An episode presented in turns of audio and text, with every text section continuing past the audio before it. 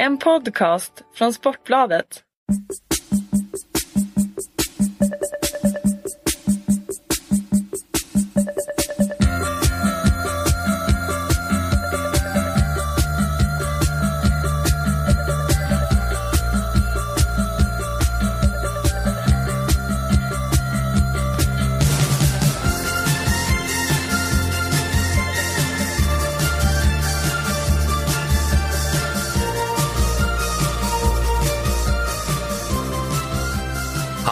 Alla och välkomna till ett koncentrat av den allsvenska inledningen 2015.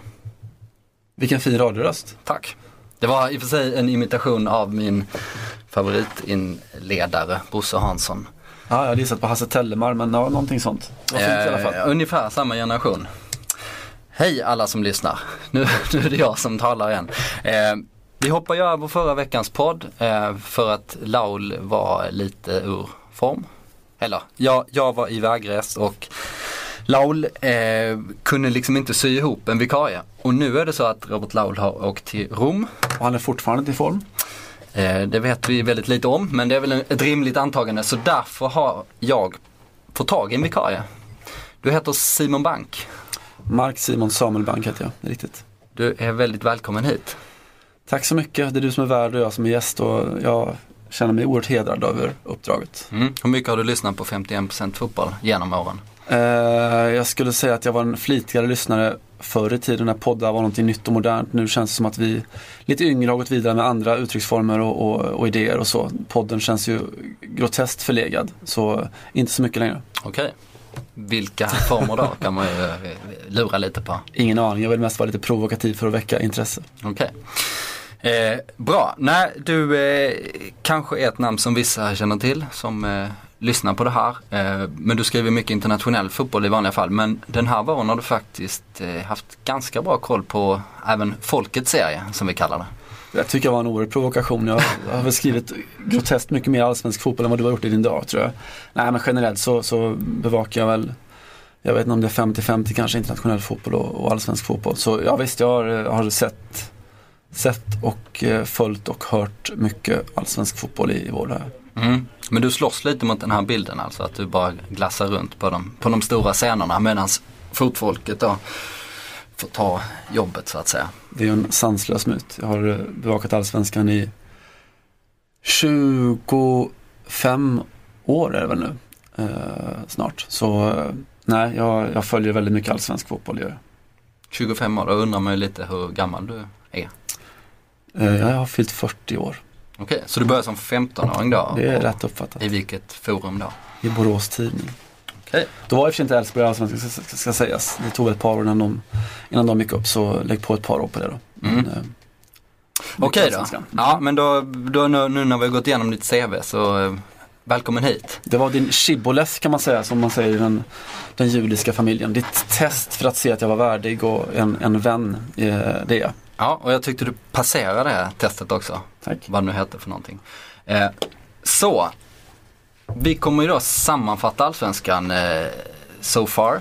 Eh, som jag gjorde klart i min inledning här. Ehm, och eh, då undrar jag såklart vad har du för intryck nu när vi har kommit en eh, liten bit in på serien?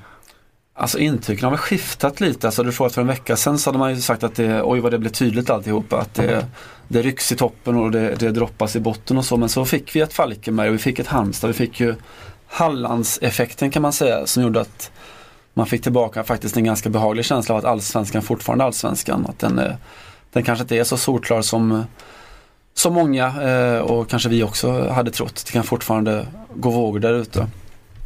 Mm. Okej, Hallandseffekten där alltså. Och då var det framförallt att eh, Elfsborg förlorade mot eh, Halmstad. Och, ja du kan väl berätta fortsättningen på Hallandseffekten. Ja, att, att Falkenberg eh, icke så väntat tog poäng och var på, på väg att slå Malmö till och med. Mm. I en eh, 3-3 match. Men eh, förutom det då, vad, hur, hur pass het och hur pass bra har allsvenskan varit än så länge? Nej, alltså, det är, alltså allsvenskan på sätt och vis får ju gå lite utifrån sin egen, eh, sina egna bedömningsgrunder och så. Alltså den, den går ju eh, Ja men det är som vi alltid har tjatat om att om vi bara bedömde på kvalitet så hade ingen, inte en människa gått på allsvenska matcher. Då hade suttit hemma och tittat på på Juventus eh, Torino istället, eh, vecka ut och vecka in. Eh, utan vi behöver allt det andra också. Eh, och sett till det så har det varit en fullkomligt fantastisk inledning på Allsvenskan. Ju. Supportermässigt och eh, läktarmässigt, stämningsmässigt, intressemässigt inte minst. Eh, och sådär. Eh, sen så det är som det har varit de senaste åren, att det händer oerhört mycket ute i klubbarna. Det är nya tränare, nya spelare en extrem omsättning. Eh, vilket gör att jag tror att det tar ett tag innan det, det sätter sig fullt ut. Jag tycker man ser så i, ut i de flesta lagen också att det är ganska många lag som fortfarande letar lite efter en riktigt tydlig linje in i säsongen. Mm. Vilka lag är det du tänker på då? Eh, nej men man undrar var, var liksom projektet IFK Göteborg är på väg någonstans. Elfsborg med Anders Svensson, var de är på väg någonstans. Eh, vad är Gävle för något? Kommer GIF Sundsvall hitta upp i någon sorts allsvensk kostym? MFF med alla deras, eh, även om de har gjort det rasande bra i sitt, sitt ersättningsarbete så är det ändå, det är ändå väldigt mycket nya spelare som ska in i, i mästarlaget och så. Eh, så ironiskt nog får man väl säga, Djurgården ska man också såklart lyfta, lyfta fram som ett Eh, där Pelle Olsson till och med talar om att de, de söker efter igenkänning och, och liksom någon form av sådana här kollektiva processer som inte sitter. Eh, ironiskt nog så är det ju annars Stockholmsklubbarna som kanske haft mest eh, kontinuitet. AIK som sitter tryggt i båten både tränarmässigt och spelarmässigt till, till stor del. Hammarby som är ju, har rullat igång sitt projekt under Nanna Bergström och har fått snart ett och ett halvt år på sig att sätta en väldigt tydlig långsiktig modell. Så eh, där tycker jag att man kanske ser de, de tydligaste konturerna. Mm. Är inte det ganska typiskt för allsvenskan att eh, lagen alltid söker efter sin identitet i och med att, i och med att det är så stor omsättning på, på spelare och ledare och så vidare? Det har ju varit de senaste åren har det varit, alltså jag vet när Uefa kom med sin benchmarking-rapport, eh, alltså deras jämförande studie över europeiska ligor häromåret så då framkom det att allsvenskan var en av de ligorna som hade störst kontinuitet på ledarsidan. Det var ju så länge liksom. Du hade Nanne Bergstrand i Kalmar, du hade Pelle Olsson i Gävle och så vidare. Det är ju först de senaste åren som det på, på, på ledarsidan också har hänt så otroligt mycket så otroligt snabbt. Och det, det tror jag är en eh, man, man får söka lite. Det är liksom, eh, och i hela den processen så kanske supporterbiten blir ännu viktigare för just alltså identitetsbyggandet. Eh, skickar du hem någon eller in någon från eh, en djurgårdare som varit, varit och rest jorden runt här i, i, tre år utan att följa sitt lag och kommer tillbaka. Han kommer inte känna igen någonting mer än, än läktarna. Ja, inte arenan heller för all del men, men läktarna och de som står där. Eh, tränaren och, och spelarna är, är utbytta men, men de som står på läktaren står fortfarande kvar. Mm. Samtidigt har det blivit lite så här hockeytränarkarusell i, i Allsvenskan. Det vill säga att eh, tränare som är väl inkörda i, i serien plötsligt bara byter lag och kör vidare på sitt. Eh, alltså Micke Stare har, har, eh, tog över Göteborg efter att han varit i AIK. Nu har han ju för sig lämnat serien. Eh, Eh, Jörgen Lennartsson har kommit tillbaks nu, han i Göteborg, Åga Hareide eh, i Malmö. Och Roar Hansen, Peter Svärd, Svärd ja, Nanne Bergstrand, det går runt åt alla håll. Pelle Olsson. Ja. Eh, vad innebär det tror du, att, att det har blivit den här karusellen? Eh, ja, men alltså det innebär ju att det blir inte så jättemycket nya idéer såklart. Så, så, så är det ju och jag tror att det är det är lätt att efterlysa nya idéer och så om man inte är ansvarig ställning. Det krävs väldigt mycket om du är ordförande i en klubb med all den press det innebär, eller sportchef för all del. För att verkligen våga gå de nya vägarna. De, de, de tester som har funnits då med Plep Clotet Ruiz i, i Halmstad med Olle Mörk i Trelleborg för många herrans år sedan. Just det, när Trelleborg skulle bli ett kortpassningslag. Precis så. Det har inte gått så himla bra. Så att, det funkar inte så bra på Tjongavallen. Nej tyvärr inte. Alltså. kortpassningsspel. Man hade ju älskat den, den kombinationen. Det hade varit eh, helt fantastiskt. Eh, det krävs ju väldigt, väldigt mycket för att, att stå upp där och kanske jag tror att det som krävs om du ska plocka in då helt nya element, helt nya idéer i, i en svensk kontext är att du har en klubbledning som är så pass stark så att den kan, den kan stå upp och säga att det spelar ingen roll om vi åker ur, vi fortsätter så här ändå. Eh, jag tänker lite på som Falkenbergs FF har gjort rasande bra när de gick upp i Allsvenskan på ett annat sätt där det handlar om ekonomin där. Eh, där alla liksom efterlyser att man ska inte satsa nu och man vet hur riskerna ser ut om man då investerar de här extra miljonerna som inte finns. Då kan det liksom krascha väldigt tungt. Men de hade just den trovärdigheten att säga att det spelar ingen roll om vi åker ur, vi håller oss till vår kostym, vi håller oss till vår modell. Eh, och just den långsiktigheten tror jag är, eh, oavsett liksom vilken väg man väljer, tror jag att den är är, är central. Alltså även i en, om man söker en helt ny väg, vilket jag hoppas att fler svenska klubbar kommer att göra framöver, så, så måste man då vara beredd att också betala priset för det. Att inte liksom så fort det börjar blåsa lite backa ur och ge någon sparken. Mm. Kanske kan man tycka att en viss, alltså mindre klubbar kanske egentligen borde ha större utrymme att göra det.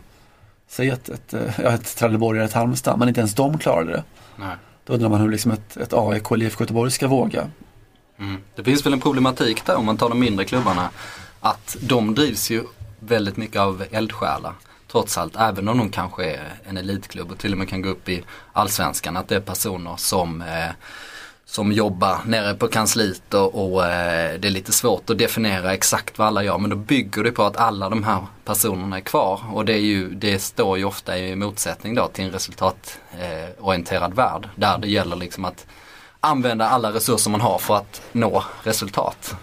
Det, måste, det är en svår balansgång. Den är ju paradoxal, alltså om vi pratar om, om just identiteter och så. Det är lätt att få för sig att att identiteten i en, en storklubb i ett, eh, ett eh, AIK eller IFK Göteborg och så gör att pressen är alltså att identiteten är starkare och att pressen är hårdare där. Ja, så, så är det ju på sätt och vis. Men samtidigt så tror jag att identiteten i ett Halmstad BK kanske på många sätt är starkare just kring själva klubben, så kärnan i klubben. Eh, jag tror att om man ska liksom skolas i att bli tränare för en riktigt stor svensk klubb så tror jag inte att det, att det första steget är en mellanstor svensk klubb. Jag tror att det är att, att vara tränare kanske i Degerfors. Har du varit tränare i Degerfors, då vet du vad det betyder när matcher är viktiga, när fotbollen är viktig. Mm. Uh, det gick ju bra för Erik Hamrén, han tog steget från Degerfors till AIK. Erik Hamrén är vårt, vårt exempel i, i de flesta av livets irrgångar och, och, och vägar framåt. Så är det. Det gick inte så bra kan man lägga till om någon bommar just den. Sen gick det bra för Erik Hamrén eh, när han var iväg i våra grannländer istället. Så är det, det unnar vi honom. Och sen så kom han tillbaka till Sverige och och träna vidare. Och träna vidare. Hur känns det? Är du varm i kläderna? Eh, ja, jag går runt med ett Voltaren-plåster på höger överarm för att, att bota en skada, någon sorts värmeplåster. Så jag är groteskt varm i kläderna. Mm, du spelar fotboll fortfarande? Det är riktigt. Och du gjorde 90 minuter i division, eh, jag vet inte, i Bellhögssammanhang åtminstone. Jag tror att det heter division 4 norra herrar tror jag. Ja. Reserv, något sånt där. Och ni vann med 7-0. Mm. Och du påstod att du var wing, wingback och ägde hela högerkanten om jag förstod det rätt. Det där sista la du till lite grann kan man säga. Jag påstod att jag var wingback. så långt det gick. Ja, vad bra. Eh, vi tänkte så här, eller vi, ja. Det brukar vara Loud som håller i det här schemat. Eh, men det är ganska jämnt i Allsvenskan, som du sa. Men det är inte så konstigt i och med att det bara spelats fem omgångar. Men vi har ju faktiskt fem lag som har gjort ett mini, mini, mini-ryck för att eh, Göteborg har 12 poäng, Malmö har 11, Elfsborg, AIK, Hammarby har 10 och sen är det ett litet hopp till Helsingborg som bara har 8. Så vad passar då bättre än att gå in på de här fem lagen. Eh, dessutom ska vi plocka ett annat lag från resten av, av, serien som vi trodde kanske skulle vara med där och så ska vi analysera det.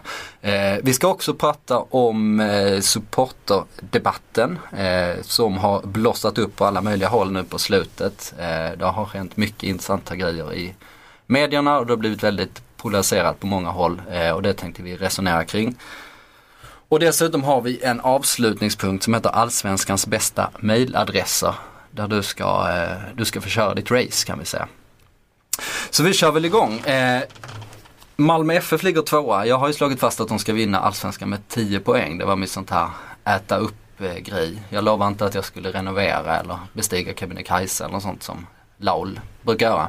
Eh, men eh, jag stack åtminstone ut hakan, det var väl så långt, så långt jag kunde sträcka mig.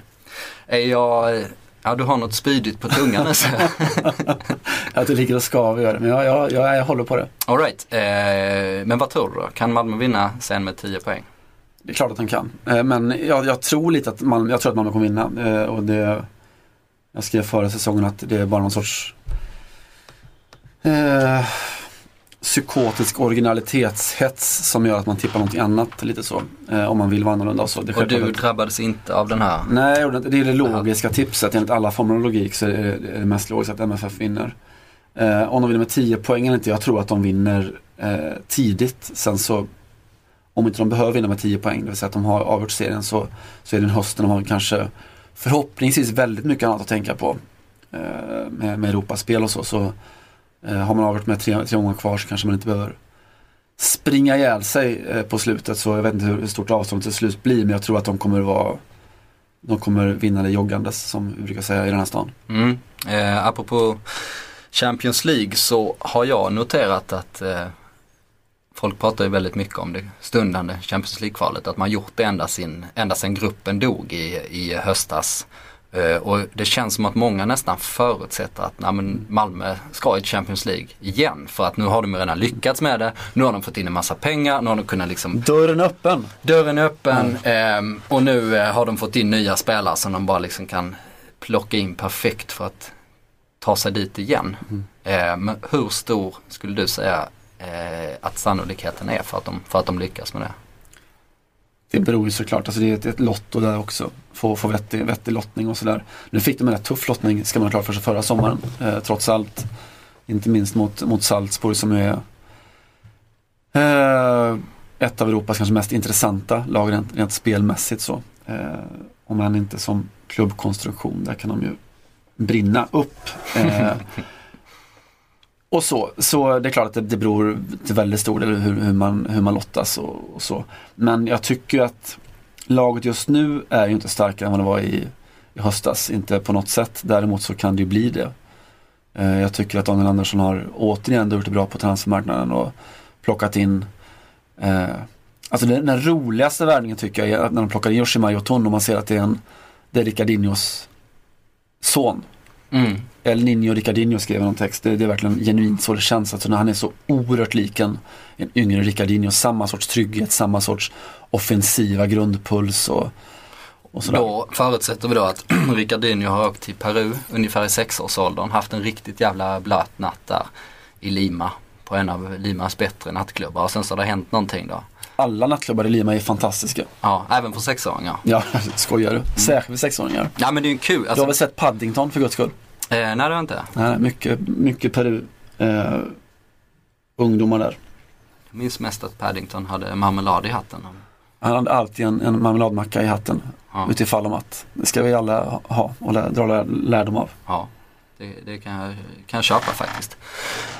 Men det är ju ganska kul att man lyckas hitta en sådan spelare som är precis likadan. För det, det känns som att Malmö har ju spelat annorlunda på, eh, på de sista åren jämfört med nästan alla eh, andra allsvenska lag. Det börjar väl mycket när Mikko Albonos tog steget över Eh, som högerback att de har byggt upp sitt spel från ytterbackarna istället för inom mittfältet. Eh, vilket var smått unikt och de kanske inte riktigt är lika tydliga i uppspelsfasen och så här men, men ytterbackarna spelar väldigt stor roll. Mm. Så är det ju. Det är ju det där som man pratade om för, vad kan det vara, 15-20 år sedan med moderna ytterbackar.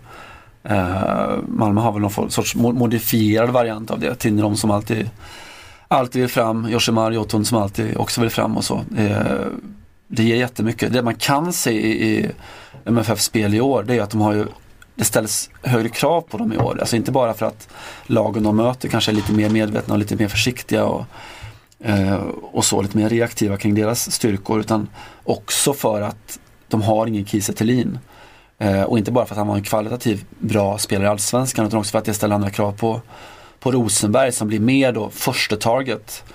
Han kan liksom inte, de kan inte skicka in bollen som landar någonstans runt en, en eh, gruffande och stuffande Kiese så kan Rosenberg plocka upp den och stoppa upp den i bortre. Eh, utan nu är det liksom, bollarna kommer ofta till Rosenberg istället. Eh, och det, det ställer högre krav också på, på uppspelen eh, på offensiv plan. Mm. Apropå Tinnerholm, modern ytterback, så du, han känns ju samtidigt som han är den minst moderna typen i Allsvenskan.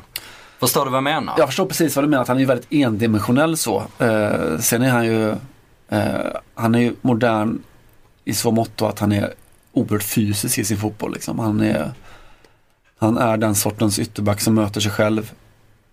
På vägen fram möter han sig själv på väg tillbaka hem. Eller tvärtom. Just det. Och det var en gammal eh, Dani Alves-referens där du citerade själv. Om... Exakt så. Det är inte första eller sista gången, lovar jag. Nej. Och Erik Edman pratade om täcket som man drog upp. och man drog upp det så fryser man om fötterna istället. Det var väl lite samma typ av metafor där tror jag. Ja, precis så. Ja, men han är häftig. Han är också en, eh, en av förmodligen den här seriens liksom största förebilder rent mentalt. Så en, en kille som hela tiden sådär han lever det som andra pratar om, att ta nästa steg, utvecklas. Han ser ju sig själv som en, en ganska stor internationell back redan, eller i alla fall menar om att han kan bli det. Eh, mycket bra huvud Kan han det på den hästen. Eh, han kan bli en god internationell ytterback, inte en toppback såklart. Det krävs bättre teknik för att slå sig in i de allra största ligorna tror jag.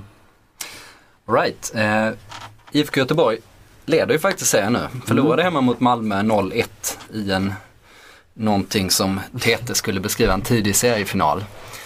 Ehm, men har ju vunnit fyra andra matcher och har 12 poäng. Vad har du sett än så länge av Blåvitt? Att eh, det är nog väldigt sköna poäng att ha för dem för att de har ju spelmässigt inte Framförallt så har det inte hänt särskilt mycket. Eh, man hade tänkt det med, med Lennartsson att det fanns någon sorts tanke om att Och det kanske det finns om att hitta ett mer spelande Blåvitt. Men det känns som att basen och grunden och allt de står på fortfarande är Det är energi, det är frenesi, det är aggressivitet Det är snabbt fram med bollen eh, Och jobba, jobba, jobba. Så var det under Micke Stare och så är det fortfarande. Jag ser liksom ingen eh, Ingen som helst skillnad i det avseendet. Sen så vet man inte eftersom man inte är på insidan i Blåvitt. Eh, för att dra, dra star, Stare-tråden en bit till så när han tog över AIK eller hade AIK 20, 2009 eller två lax nio som Oskar brukar säga. Så eh, han började med att sätta just aggressiviteten, vrida upp tempot till max och litade på att med de spelartyperna han hade så skulle spelet komma sen också och när väl båda bitarna fanns där så skulle de kunna vinna guld. Vilket de ju gjorde, vilket IFK Göteborg inte minst då vet. Eh, så, men jag, jag har inte riktigt sett de tecknen i, i Blåvitt att, eh, att den ambitionen finns att hitta något annat. Och vad som kanske är ännu värre, att se den spelartypen som kan vara ja, den som man benämnde Mr X som liksom aldrig riktigt dök upp då. En, en mer konstruktiv in i mittfältare, en, en uppdaterad, uppgraderad Pontus Farnerud igen. Eh, det har de inte, nu har man Sebastian Eriksson som är en mer sån här slänggungespelare som plockar in bollen från höger, vänder ut den på vänster och tillbaka igen. Och gör det jättebra och en, riktig klassspelare i Allsvenskan. Men den här kreatören finns inte. Eh, och jag tror för att hålla en hel säsong, hålla hög nivå en hel säsong, alltså även när när just den här energin och frenesin och orken och aggressiviteten inte riktigt finns där så behöver man en sån spelare. Mm. Kan inte det bli ganska bra då om de skulle landa Mr X? Som trots allt var ganska nära vem nu den här Mr X var. Men det var ju åtminstone den typen av spelartyp. Så långt han väl, eh, så många pusselbitar han var med lägga åtminstone. Ja, det Men var Sean de Macun som, som det pratades om eh, så. Mm. Eh, Och det hade varit, varit intressant i en allsvenska i alla fall. En spelare som du säkert har koll på sedan många år tillbaks. Jag kan meddela, vi, efter en, en, vi flög tillsammans en gång att han har en, inte bara en Louis Vuitton-väska som alla fotbollsproffs har, utan han har den med, med ett anagram på där det står J2M graverat. Ja, Bonusinfo kallar vi det i branschen. ja det får man säga. Mycket bra info. Eh, men som det är just nu så spelar ju eh, Göteborg på ett helt annat sätt. De har ju sin fantastiska fyra som det snackas om. Eh, och de, har ju, de drar ju ett ganska tungt lass. Eh, med eh, Riks och Ankersen på, på kanterna och eh, i första läget då Vibe och Engvall på topp. Medan de här två innermittfältarna, de gör andra saker helt enkelt. Ehm, ja, det var väl hela analysen. Ja, Du, alltså, hade, du hade ju sagt allting redan. ja, men visst är det så. Alltså, det finns ett lackmustest som jag tycker är intressant med, med Blåvitt. Och det är när Blåvitt leder med 1-0, 2-0, det är en kvart kvar. Eh, och de senaste åren och även i år. Eh, att se hur de gör för att döda de matcherna. Det vill säga spela av på ett resultat och så. Och det tycker jag, det har de egentligen aldrig klarat av riktigt. Det där, du vet, hålla i bollen, ta den en vända, lugna ner spelet, styra rytmen på ett sätt. De är rätt så svaga just att styra rytm, utan det är, det är full fräs framåt. Det är, det är Salomonsson på ena kanten, det är, är liksom djupledslöpen, det är Vibe som kör hårt, det är Engvall som, som jobbar konstant och så. Det är liksom den, den växeln man har. Och Pontus Farnerud var alltid trött på, eh, på slutet där så de hade inte kvar honom på banan när de skulle spela av i så fall. Han hade ont i precis hela kroppen. Ja, Och vad saknar Pontus? Vilken, vilken fantastisk människa och fotbollsspelare. ja. Det är nästa, nästa person som du har följt länge. Kanske till och med mer än Makun faktiskt. Ja, så, så är det nog. Ja. Ja, du, har en, du har en liten man-crush på, eh, på Pontus sedan länge, det vet jag. Tveklöst så. Men Lasse Vibe kan vi prata lite mer om också om vi ändå är inne på Blåvitt-spåret. Det kan vi göra. Ehm, det snackas om att han har en formsvacka. Har han det? Jag tror att han har en, en eh, han är ju en väldigt så verserad, begåvad eh, kille och inte minst har han en alldeles fantastisk göteborgsk svenska, det får man ge honom.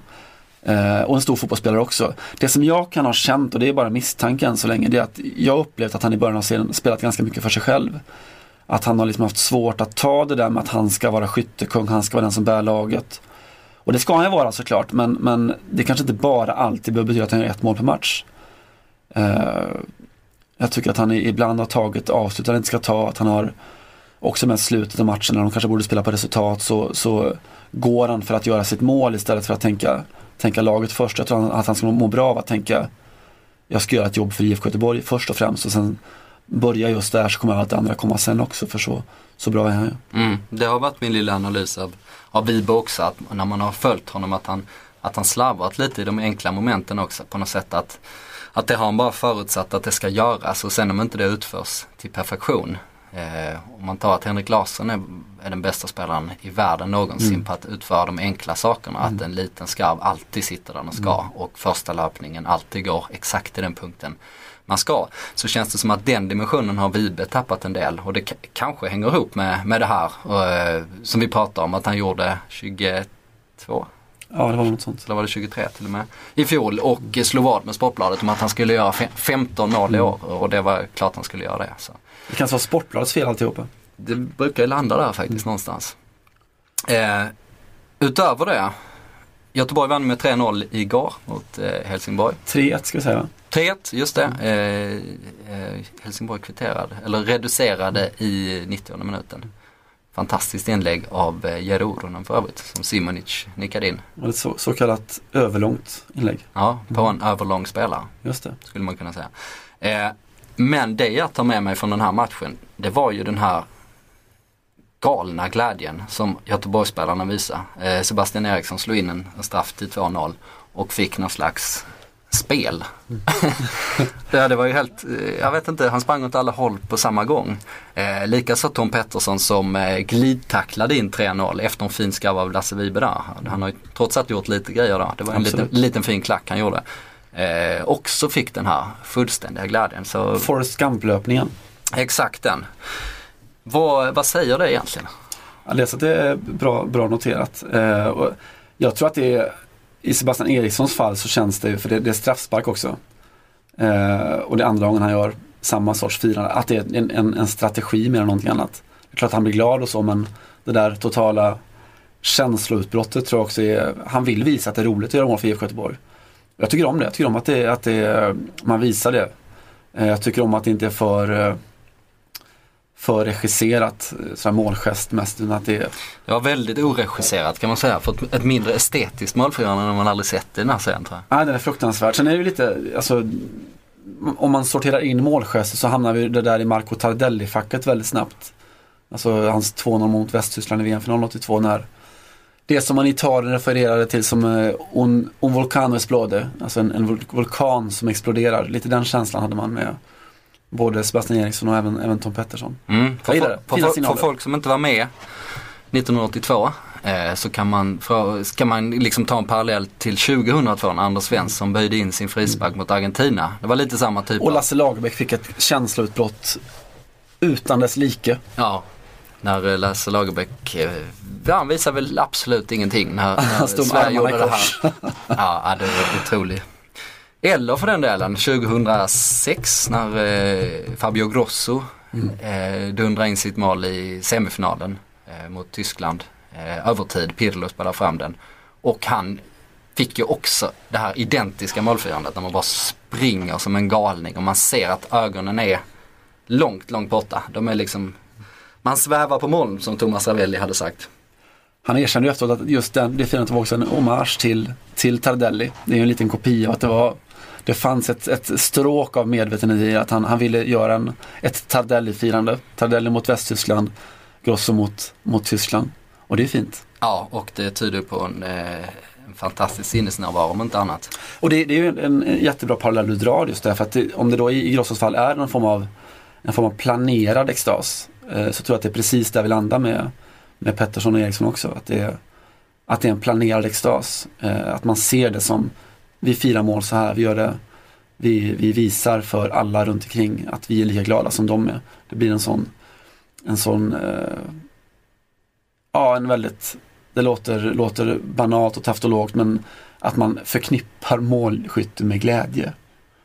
Eh, och ja, i andra änden av den skalan sitter vi Thierry Henry som alltid var ultra, han ville utstråla överlägsenhet när han gjorde mål. Eh, någon sorts svalhet eller svalka. kan ju sla, Zlatan göra emellanåt också. Mm. Det tenderar ju att ha eh, ett visst mått av aggressivitet också mm. i, och med att, att, att Zlatan alltid slåss mot allt och alla. Men han har, kan ju också ha en arrogansen mot allt och alla efter, ha, efter vissa av sina mål. Mm. Um, Ja, vi, är, vi är Eriksson Pettersson killar i den, den diskussionen. Ja och det smittar ju av sig också. För att eh, de runt om blir lika glada. För vad ska de göra om Sebastian Eriksson springer runt som en så fullkomlig galning. Mm. Liksom. Då kan inte de stå och applådera lite vid sidan av att yes, liksom, nu satte vi tvåan och nu jobbar vi vidare. Jag har tänkt på det förut att det vore intressant att sätta en, en fysiolog på det, att göra mätningen av Alltså just när du har den extatiska så ger det ju energi såklart ett lag. Det, det blir liksom en sorts rus med massa hormoner och grejer antar jag. Eh, samtidigt som när du gör ruschen så tappar du energi såklart. Sebastian Eriksson gör en, en maxlöpning på 60 meter, klart att det kostar energi. Eh, vinner man eller förlorar man? Det är lite besläktat med den eviga diskussionen, eh, hypotesen att du befinner dig i öknen, har vandrat där igenom i tre dygn utan vätska och då kommer du fram till en kaffebar mitt i öknen. Ditt enda val är att antingen ta en dubbel espresso eller så dricker du ingenting. Så antingen en vätskedrivande dubbla espresson eller ingenting. Vad är bäst för kroppen? Mm, ja, eh, ja, om jag svarar personligt perspektiv hade jag tagit dubbel espresso. Men äh, jag kan ju kanske ur ett fysiologiskt perspektiv förstå att det inte är så jävla smart sådär. Jag vet inte, det var en öppen fråga. Mm. Hur, hur besvarar du den själv då, professorn? jag hade nog eh, svept den också tror jag. Och fått fem bra minuter innan magen, magen kraschade. Ja. Alright. Då har vi avverkat eh, exakt allt som behöver avverkas i IFK Göteborg kontexten här och nu. Så därför går vi över till AIK som har vunnit eh, tre matcher på hemmaplan. Eh, spelat två bortamatcher, de har mött Elfsborg och Malmö borta. Och ligger bra med på 10 poäng. Hur mycket har du sett av Gnaget so far? Jag har sett mycket, mycket Gnaget har jag gjort. Eh, och det har varit intressant, inte minst för att det det är såklart att alla, alla AIK är rasande trötta på men att de har ju haft en historik av att starta säsongerna oerhört illa. Mm. Eh. Framförallt i den här typen av eh, hemmamatcher mm. som de har haft. Nu har de haft tre så att säga enklare hemmamatcher. De har mött, eh, ska vi säga Halmstad, Gävle, Örebro har mm. de mött. Och det har stått i alla fall de, de två första matcherna har det funnits segment när det har stått och vägt lite när det har funnits en möjlighet att, att uh, vika ner sig, flytta hem till mamma och tappa poäng. Ja, och det var 2-1 mot ett svagt Halmstad. Mm. Det var 3-1 mot Gävle som visserligen ledde allsvenskan då. Mm. Men det stod 1-1 fram till 10-15 eh, minuter kvar eh, och eh, så släppte det helt mot Örebro. Och Örebro var ju faktiskt riktigt, riktigt dåliga får man säga. Men där, där körde bara AIK över dem fullständigt. Ja, visst var det så. Så man får väl se på siffrorna med viss respekt att det inte det är inte de allra största lagen har mött. Sen så kanske mer imponerar om de matcherna imponerar i form av resultat, att de samlar de där poängen som man ska ta så Eh, jag var i Malmö och såg, såg dem mot MFF och, och där var AIK riktigt, riktigt bra också i, i högt tempo, i bra organisation och, och även i liksom individuellt hög teknisk kvalitet. Där, eh, och, och det kan ju sådär ironiskt nog ofta vara så att möter du bra lag så blir organisationen ofta lättare att sätta också. Eh, att du blir mer liksom samlad, för att av nödvändighet blir du det. Det finns större möjligheter mot ett, ett HBK eller ett, ett backande Gävle kanske att, att kliva upp och, och hamna lite fel. Att en högerback blir lite överambitiös och mittfältarna drar iväg på, på turer och sådär. Men de har ju då löst både och får man ju säga. Mm. Du har ju länge drivit en eh, sån här tes som jag ibland stulit. Kanske, kanske den enda tror jag. Mm. Annars håller jag inte med om någonting. Ja, det är rätt. Jo, det gör vi kanske. Det gör vi nog. Eh, strunt samma. Men du har ju åtminstone pratat länge eh, om att eh, många lag i Allsvenskan, eller nästan alla lag i Allsvenskan, klarar av att försvara sig och vara organiserade och, och kontraslå. Men nästan ingen klarar av att föra spelet och liksom konsekvent spela ut sina motståndare. Men, kan, men har vi sett ett litet trendbrott på sistone. Eh, häcken har ju de sista säsongerna spelat eh, helt enligt eh, sin ideologi och liksom kört det fullt ut. Eh, och Malmö då givetvis eh, i fjol som framf framförallt vann på att de spelar ut sina motståndare och försöker med det fortfarande. Är det någonting på gång där tror du? Jag tror och, och hoppas det lite för det är också sådär att eh, Elfsborg kanske lite också? Ja, Elfsborg är, är modigt också, inte minst med Anders Svenssons uppspelsfot. Att man liksom då vågar eh, offra en viss defensiv säkerhet för att få den, den offensiva spetsen även, även allra längst bak. Eh, och det finns ju lite, alltså om det finns någon liga, om vi rackar ner på allsvenskans sportsliga nivå ofta eh, och ibland med viss rätt och så. Eh, om det finns en fördel med den nackdelen, för att citera Cruyff, så, så är det just det att i allsvenskan om du då rullar boll i backlinjen, spelar upp bollen, så är risken mycket mindre än om du gör det i, i Premier League. Jag fick en sån eh, liten aha-upplevelse för, vad kan det vara, tio år sedan när, när Patrik Andersson kom hem till Malmö. Eh, och jag så här parallellt såg, eh, jag tror det var Liverpool mot Chelsea eh, och sen just Elfsborg mot Malmö.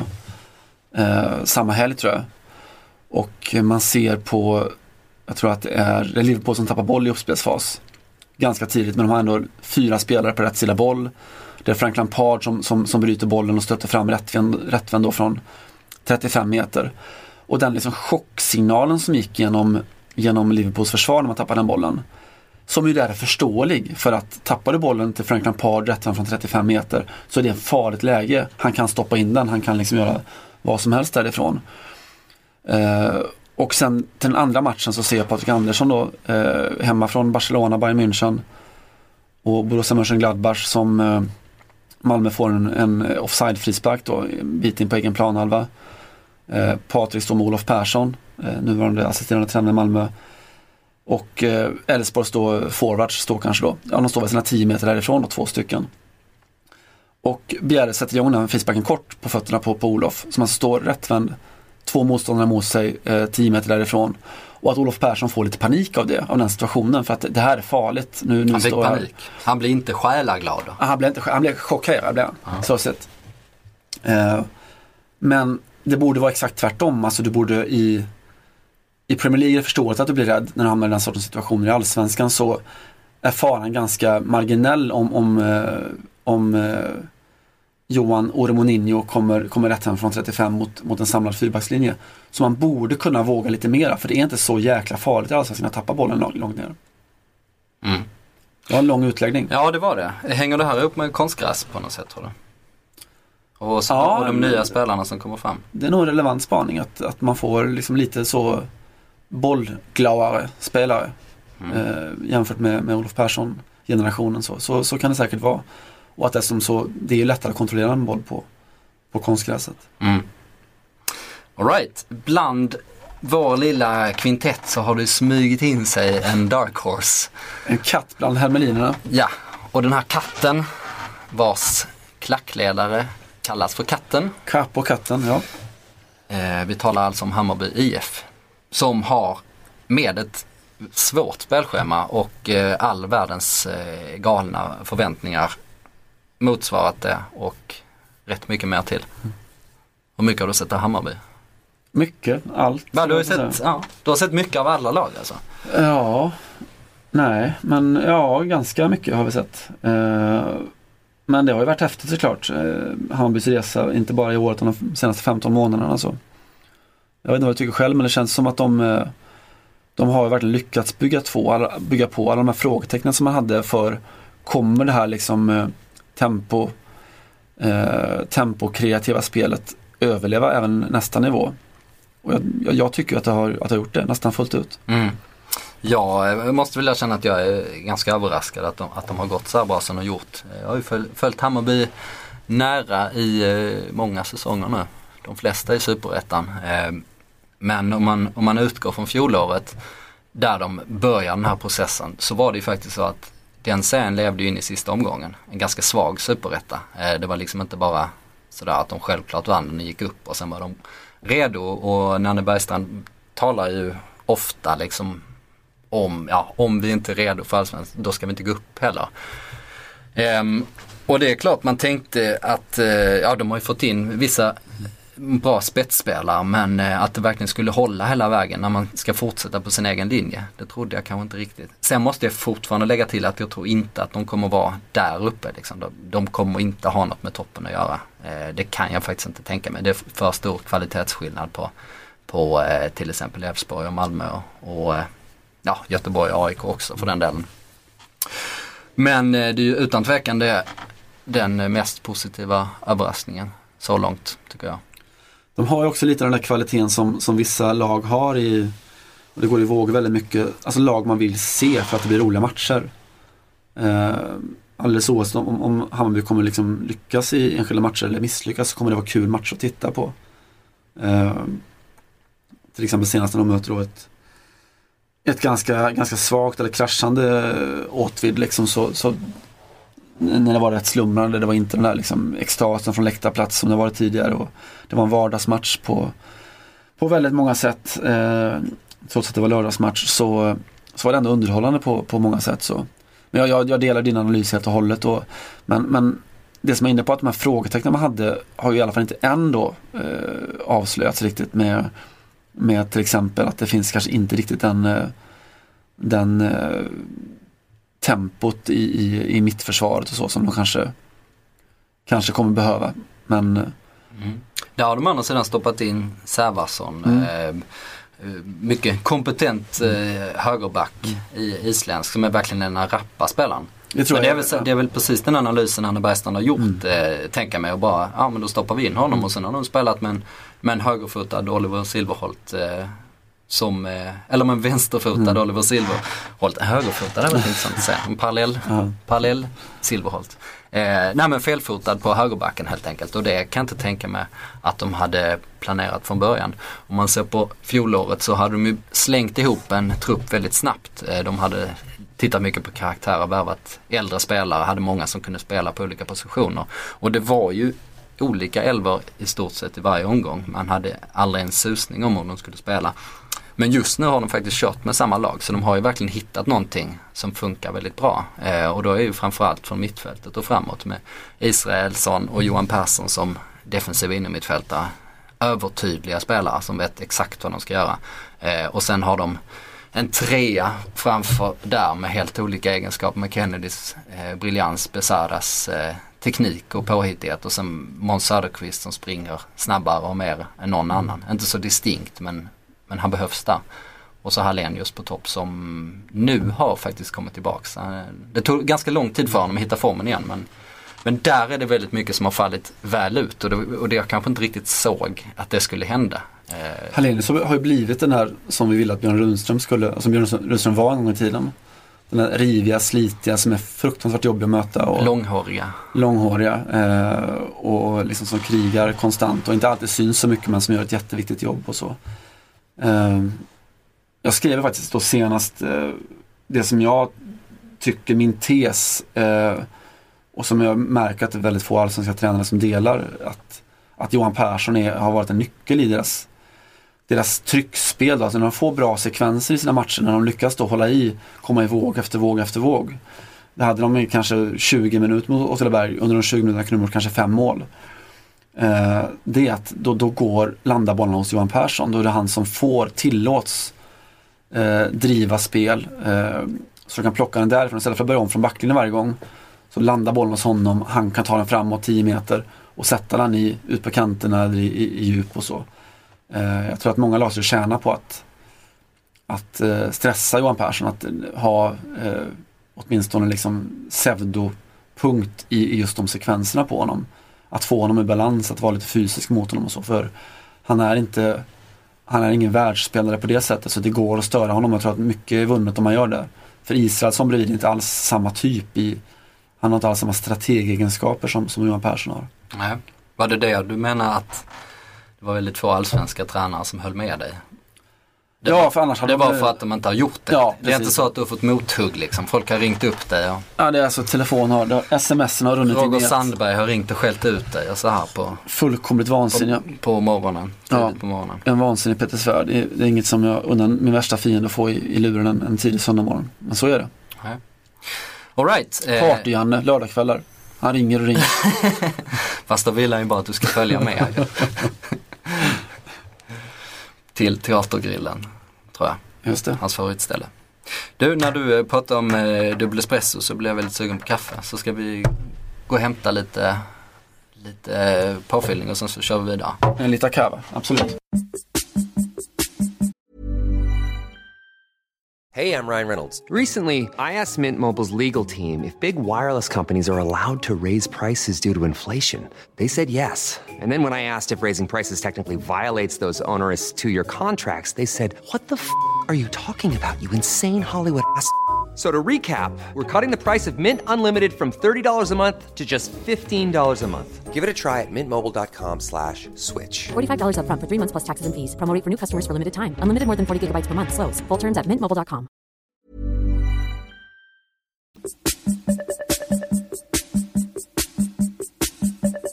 Så, då har vi fyllt på med lite vatten efter vår ökenvandring på 45 minuter. Och då kommer vi in i tilläggssegmentet som kan vara ganska långt i den Ja, här det är så det funkar i poddvärlden. Du ska bara liksom glida med och se vad som händer, är min tanke. Det har varit en debatt som inte handlat om fotboll, utan en debatt som handlar om supportrar. Eh, en eh, debatt som har eh, liksom dominerat ganska mycket av dem, åtminstone ja, sista veckan, kanske till och med två. Så jag tänkte att vi ska ta debatten om debatten här och nu. Lite sådär sist in, Sist in, då får Men- man gå ännu hårdare bara. men inte först ut. Tror jag. Ehm, jag har diskuterat de här frågorna väldigt mycket, hur supportrar framställs i media. På, eh, jag har diskuterat det på längden och tvären och jag har diskuterat med supportrar, jag har diskuterat i olika tv-program, jag har skrivit om det, jag har diskuterat här internt, inte minst.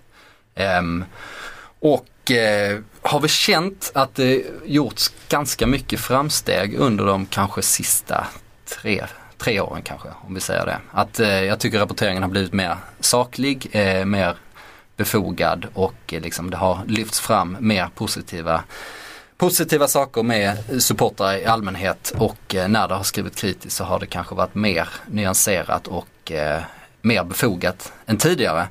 Men nu på slutet har det ju faktiskt hänt någonting. Har du, har du känt av, har du känt tryckvågorna från tryckpressen? Ja, man står ju där och, och, och verkligen gräver och när man gräver tillräckligt noggrant så hittar man något. Nej, alltså det har ju varit såklart en, en tsunami, en tendens-tsunami får man säga. Det har ju initierats i mångt och mycket av, av, av P1s eh, nyhets och eh, debattprogram Tendens som gjorde ett stort reportage, eller två stora reportage om just supporterkulturen utifrån ett, eh, en problemformulering som var just en, en problemformulering. Och i mångt och mycket kändes den ju ganska daterad. Det kändes som just ett steg tillbaka till det som du pratade om. En, en debatt som fördes för ganska många år sedan. Eh, och där väldigt många andra eh, av de då dagliga medier där, som liksom vistas i, i väldigt nära fotbollsvärlden har tagit nästa steg har det verkligen känts som att man är mer nära just de här frågorna. Det här var en eh, i mångt och mycket utifrån perspektiv. Mm. Det som överraskade mig var att den kändes väldigt eh, kontextlös.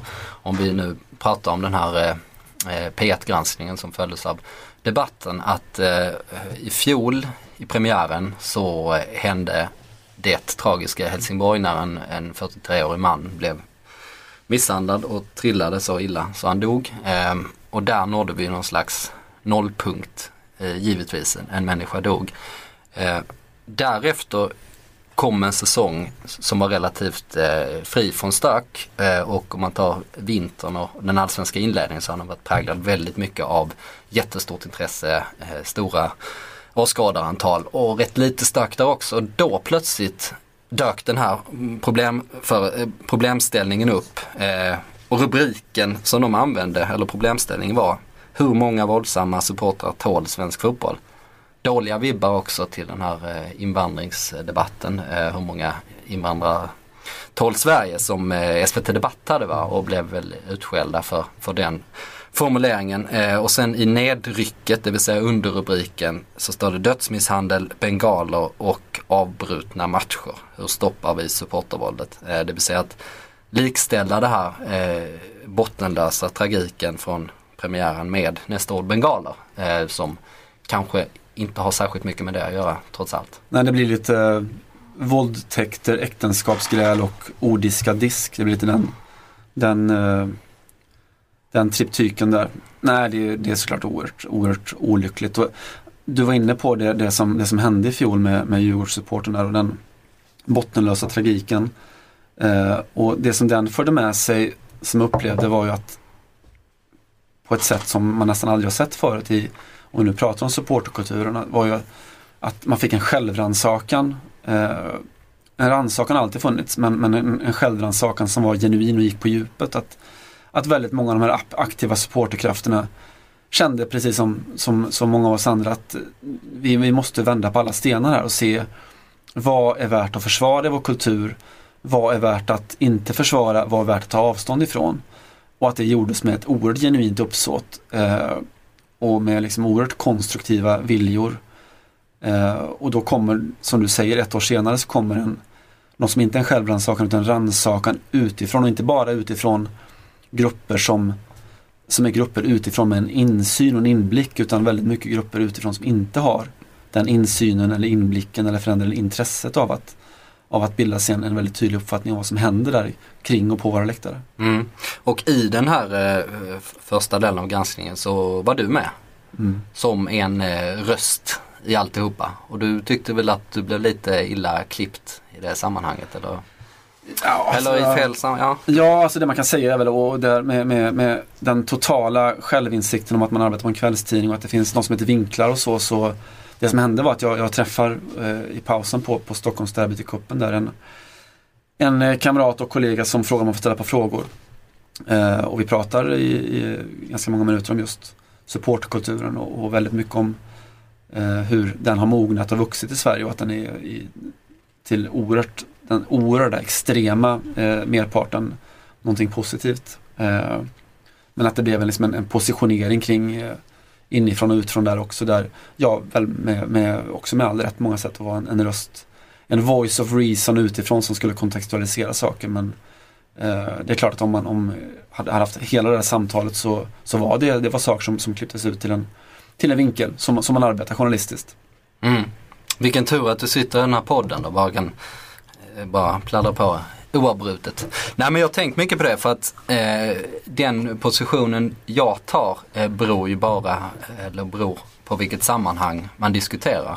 Det vill säga om jag diskuterar här internt på tidningen när vi kommer från en ganska hårdnackad eh, kultur liksom där det ska smällas på dagen efter direkt. Då får jag ju ofta närma mig kanske en supporterröst för att jag kan den här världen ganska bra. Eh, och då får jag liksom eh, argumentera lite därifrån så vi hittar någon slags nyans. Och tvärtom, eh, jag tar ofta de här frågorna och debatterar, debatterar mycket och när eh, det är från supporterhåll nu får man, ja, får ta, liksom, nu generaliserar jag givetvis. Men jag får ju ofta ganska eh, höra, eller ganska ofta höra liksom, ni skriver bara skit liksom och alla håller på så här liksom. Och då får man ju ta ett journalistiskt perspektiv och försöka förklara hur man, hur man tänker på det. Så just, alltså, ja det jag vill ha sagt är bara att det är väldigt viktigt vilken kontext det är. Om man liksom, ett snabbt uttalande är väldigt svårt i de, i de här frågorna. För det, det finns så många parametrar du måste ta hänsyn till hela tiden. Det är, ett, det är ett alltid ett å ena sidan och mm. ett å andra sidan resonemang som man måste föra när man, när man pratar om de här frågorna. Som du sa, vad är värt att försvara, vad är inte värt att försvara? Och eh, där gäller det att balansera rätt. Ja, jag tror att grund, grunden, alltså den, den sorts intellektuella hederlighet man kan hålla sig till oavsett vilken sida man står på är, vill jag verkligen förstå det här? Eh, om man ska gå in i en debatt så måste man ställa sig den frågan först, vill jag verkligen förstå genuint min motpart eller de som står runt omkring, de som står på insidan, de som står på utsidan. Har man svarat ja på den frågan, då, då har man alla förutsättningar för en, en, bra och god debatt. Om man inte vill förstå, om man istället liksom sluter sig och, och ställer sig och bankar på sina trummor och, eh, och gör det med de stora rubrikerna, de stora orden, de stora slagorden, då, då kommer inte, man kommer inte komma framåt överhuvudtaget. Och där kan man historiskt, alltså, herregud, jag kan vara, vara oerhört självkritisk också till saker som jag har skrivit eh, i en annan, annan kontext. Eh, där man eh, inte har några som helst problem att stå för positioner man intog. Men att man vet också att det var kontraproduktivt att kanske ta i för mycket. Till exempel? Eh, nej men det, det, var väl alltså i den, den, eh, den kontexten där Stockholmsfotbollen befann sig för tio år sedan när det var väldigt eh, Det fanns ingen mogen supportervärld. Jag vet jag skrev krönikor som handlade just om att, att svensk supportrörelse är så stark och stor nu så den har förtjänat en vuxen röst. Sen kom den vuxna rösten. Det kom liksom ett, ett genuint engagemang för att Ganska sent va? Ja, att, att driva politiskt de här frågorna. Att, att få ett SFSU, att få SLOer och så vidare. Och jag tror att det är extremt värdefullt för, för svensk fotboll att, att de finns. Att det finns en, som jag sa, en genuin vilja till förståelse. Att, eh, ja, alltså jag pratar i termer av vuxen så är det just att, att en del av supportrörelsen är pubertal och ska alltid få vara pubertal. Men om man verkligen på riktigt vill framåt, om man verkligen på riktigt vill försvara den fotbollen som vi har, den demokratiska fotbollen, så måste det i alla fall på vissa områden också vara, eh, vara något annat än pubertal, vara något annat än bara motstånd. Du måste också vara, ta in din motpart och jämka och, och fundera och driva politik. Mm. När eh, man pratar om, om det här så dyker ju ofta här dör fotbollen upp. Eh, det är liksom ett, ett slagord som eh, dyker upp på banderoller och, och används eh, ja, skämtsamt eller bara ja, slagfärdigt i alla möjliga sammanhang och alla vet direkt vad det handlar om. Jo, det handlar om att etablissemanget, särskilt media, särskilt kvällstidningarna, särskilt vi eh, eh, överdriver mycket av svarta rubriker. Eh, det är ju en, en, rest av en, av en lite äldre tid där vi satt en annorlunda, annorlunda typ av rubriker och så vidare. Eh, men vad få känner till så var det faktiskt som att Här dör fotbollen var en rubrik till en krönika som du skrev en gång i tiden. Eh, och det tror jag överraskar vissa för att det har funnits ganska många eh, sportkrönikörer, nyhetskrönikörer som verkligen avskytt eh, fotbollen och, och kulturen runt det som har skrivit ganska ordentligt. Vi behöver inte rabbla exempel här ju, just nu. Vi kommer i och för sig ta upp lite nya exempel. Men det var alltså du. Yes. Så, vad hände? Nej, och det kan vi, vi kan börja med att jag har såklart fått skit eh, väldigt mycket för det under oerhört lång tid. Eh, och då kan man inleda med att, att utlysa den, den lyssnartävling säger man här, att den som kan bevisa att jag någonsin har skrivit Här dör fotbollen i en krönika vinner en middag på Grand Hotel för sig och sina vänner eh, utan begränsningar. Det, jag har aldrig skrivit det överhuvudtaget. Det jag skrev var ju en, en metaforisk eh, betraktelse kring just det. Det var Stockholmsderbyt eh, Eh, AIK och Hammarby som fick brytas eh, temporärt då eh, efter en, ett försök till en planstormning i en kontext där AIKs klubbledare stod under, under vaktskydd och, och det fanns en genuin hotbild mot dem. Eh, och eh, man då tvingades bryta matchen och det jag skrev var att visst matchen fortsatte efter avbrottet men det var en, en realpolitisk liksom, en chimär, det var ingen riktig fotboll. Den, den, den riktiga matchen hade redan dött. Liksom. Det var vad jag skrev och rubriken som sattes var alltså Här dör fotbollen i, i jag vet inte hur punktsystemet funkar men i väldigt stora versaler i, i Aftonbladet på, på första uppslaget. Och det är klart att det var eh, det var tacksamt och det har blivit tacksamt för, för väldigt många eh, som då fick ett, och det är just det här som jag ofta säger med det här, vill man förstå den andra sidan, vill man verkligen göra det genuint och hederligt eh, Problemet med, med den sortens rubriker, problemet med för övrigt Slödderstadion som skrevs, eh, som var rubrik till en krönika, en annan krönika om, som handlade om Hammarby, Djurgården ett par år senare. Eh, som ju också bröts eh, efter, efter publik oroligheter. Eh, jag har heller aldrig skrivit Slödderstadion, det var också en ironiskt och lustigt nog kan man säga efteråt en, en av de mest fanatiska Hammarbyare jag känner som som arbetade då på tidningen som, som ja, satte som den var nyhetschef den kvällen. Han var nyhetschef den kvällen och satte den, den rubriken utifrån att han var väldigt upprörd som, i sin roll som Hammarbyare. Eh, och kvälls, plus kvällstidningsmakare. Plus kvällstidningsmakare. Men problemet med den sortens rubriker, den sortens hårda tilltal är att, att det ger ett incitament och en, en ursäkt för väldigt många att, att fly den här debatten. Att det, man kan säga att göra sig lustig över, över medias överdrifter istället för att genuint att svara på. Men herregud, har vi inte ett problem här? Var inte är verkligen det stora problemet att, att Aftonbladet har en, en rubrik som känns eh, olustig och felaktig och konstig?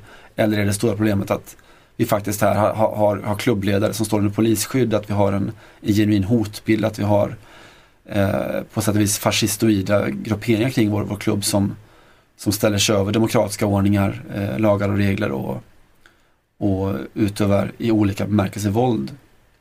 Eh, så jag tror att alltså, om man ser någon sorts medialt ansvar och även eh, kanske supportansvar så är det att, att bli tydligare, att tala om att eh, vi tycker att det här är okej, okay, vi tycker inte att det här är okej. Okay. Eh, vi, eh, man kan inte, alltså det som du, du pratar om den här tendensingressen när man klumpar ihop en bengalbrännare med någon som har, har varit inblandad i, i fatala våldsamheter så då gör det också att, att de här bengalbrännarna kommer att ha oerhört, oerhört svårt att, att föra en debatt överhuvudtaget. Naturligtvis, för de vet om att vi har ingenting med det här andra att göra. Vi är inte en del av, av våldskulten. Det är, det är en helt annan del av, av, av supporterkulturen.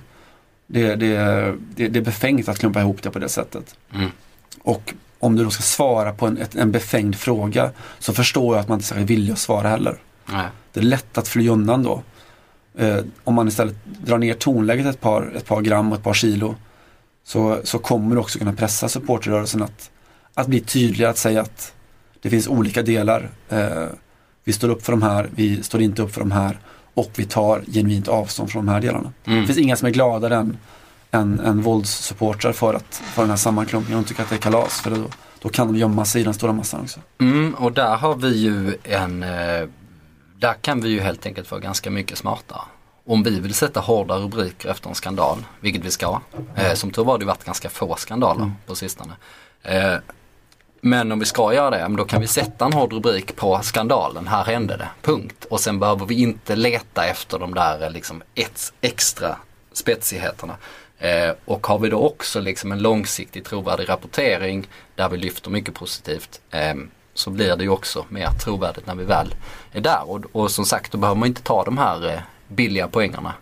Eh, eller då kan man inte ta de här billiga poängerna. För att det finns ju givetvis i supporterkulturen en eh, väldigt, det är en subkultur, det finns en väldigt stark kärna att man slåss mot all form av etablissemang och vad är då lämpligare än att slåss mot galna överdrifter i pressen. Ehm, och det senaste tydligaste exemplet som eh, de grupperingarna har fått och jag har ju skojat själv om det här också. Det var en eh, krönika här i eh, Expressen som vår eh, kollega Diamant, skicklig nyhetsreporter på Expressen, eh, får man ju säga, men, men skrev en sån här hejdlöst överdriven eh, krönika. Han hade gått på eh, derbyt nu på Tele2 senast, ställt sig mitt, mitt i klacken, förfasat sig över folk betett sig och det är väl det här stycket då som, som de flesta studsar till på.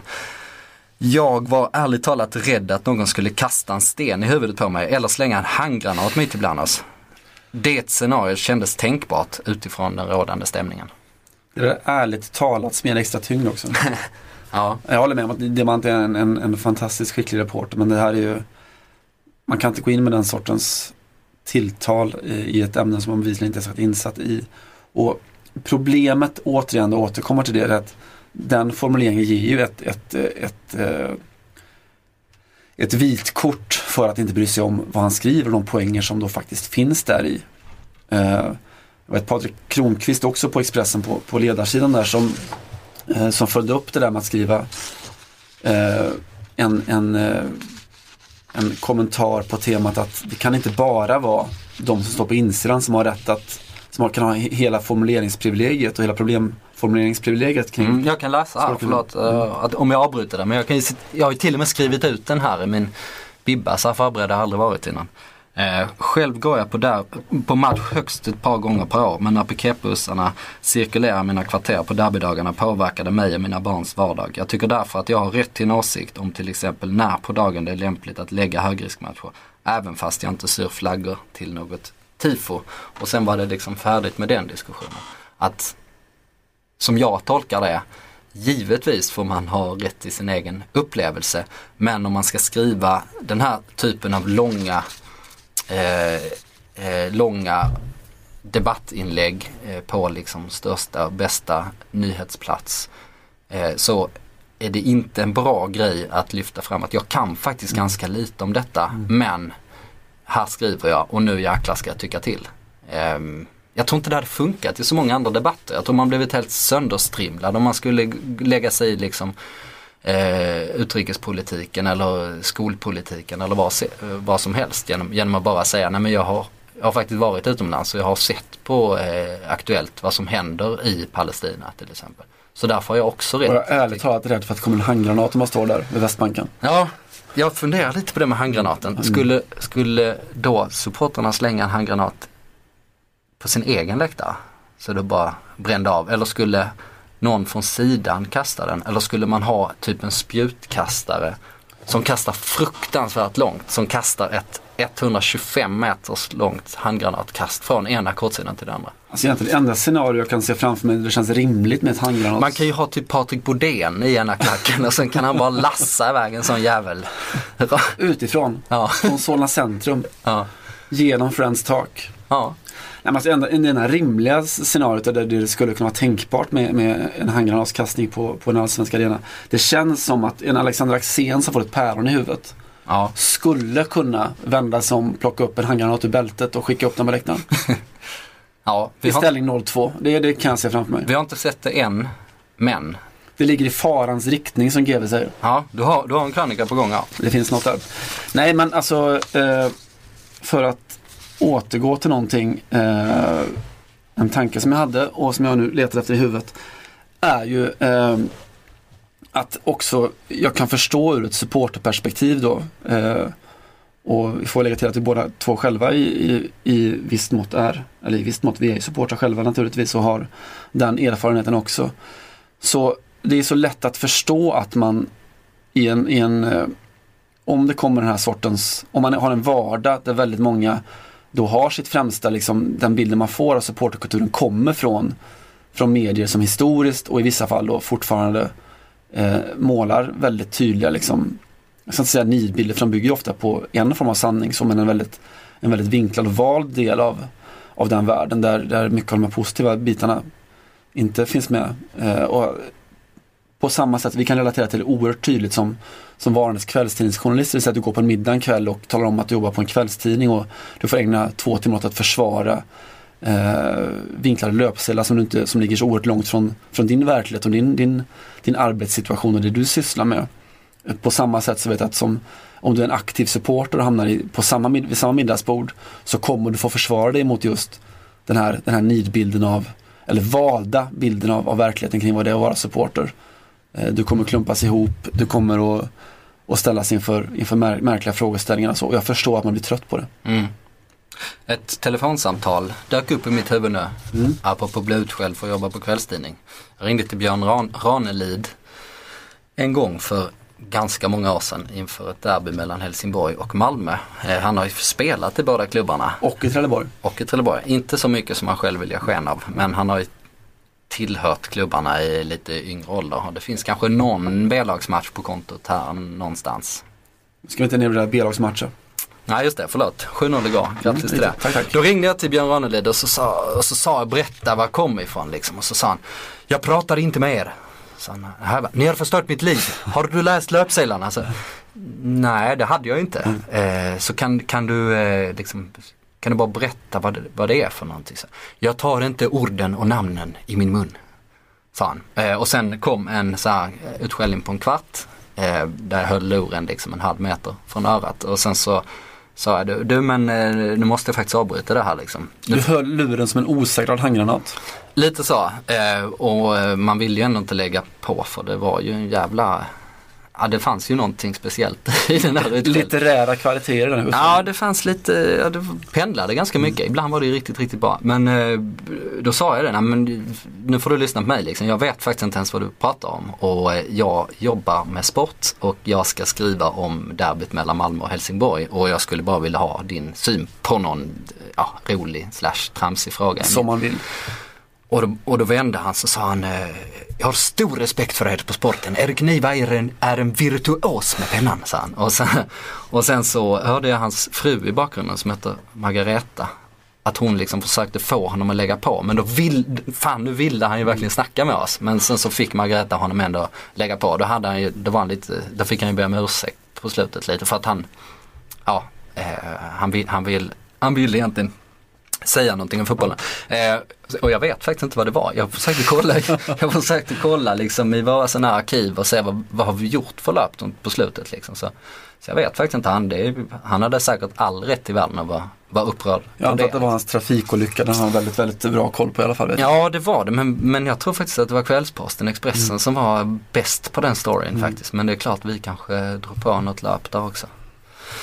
Det är möjligt. Eh, förlåt för den utvikningen. Vi får nej, se om den, den äger sin plats. Mm, all right. Ehm, men jag tänkte bara ta upp en insändare här i, eh, i Sydsvenskan som är apropå det här att det vi skriver eh, spelar så pass stor roll tror jag. Om man går utanför eh, vår lilla snäva krets och tar det lite de bredare lagren så får man ju ofta sin information från vad Sportbladet skriver, vad man ser på SVT. Eh, och är det den här typen av rubriker kring supportrar, ja men då tycker gemene man att det är så. För då, ja men det, detta är vad jag vet. Eh, och så här är det. Eh, det lät ungefär som Bagdad Yvonne. Om du känner Detta är vad jag har och det gäller. Eh, och eh, jag skrev ett tifo-reportage för ett tag sedan om Djurgårdens tifogrupp. Jag fick, blev liksom insläppt där eh, och fick följa deras arbete inför derbyt mot Hammarby. Eh, vilket var ja, första gången jag fick göra det i vart fall. Kanske första gången någon på en kvällstidning åtminstone fått liksom access dit. I världen. I, i ja, världsexklusivt tror jag det var faktiskt. Eh, nu var jag sugen på en annan utveckling men nej, nu, jag kan inte bli så långrandig. Men hur som helst, eh, och då fick jag massor med positiv eh, respons och då fick jag ju även den responsen från eh, Arne och Rolf och eh, Bo-Göran som mässade som oftast bara eh, är förbannade på de här jävla fotbollssupportrarna hela tiden. Då tyckte de det var ganska fint och det jag beskrev var ju hur de eh, samlades och sydde ihop en massa kreationer som de sen skulle visa upp. Eh, och då, ja, i de lite bredare lagen, i och med att vi skriver brett, så kanske man fick en annorlunda bild eh, av det. Så därför spelar det ganska stor roll hur vi rapporterar. Ja, gud ja. Det, jag tror att det är, det är jätteviktigt och det är också ett incitament för, för supportrörelsen att vara, att vara med och forma den, den, det skrivandet också. För det, är ändå, det är levande organismer, eh, medier. Medier är inte en, en naturlag på något sätt utan den, det, det går att forma, det går att styra det, och man tjänar på öppenhet där.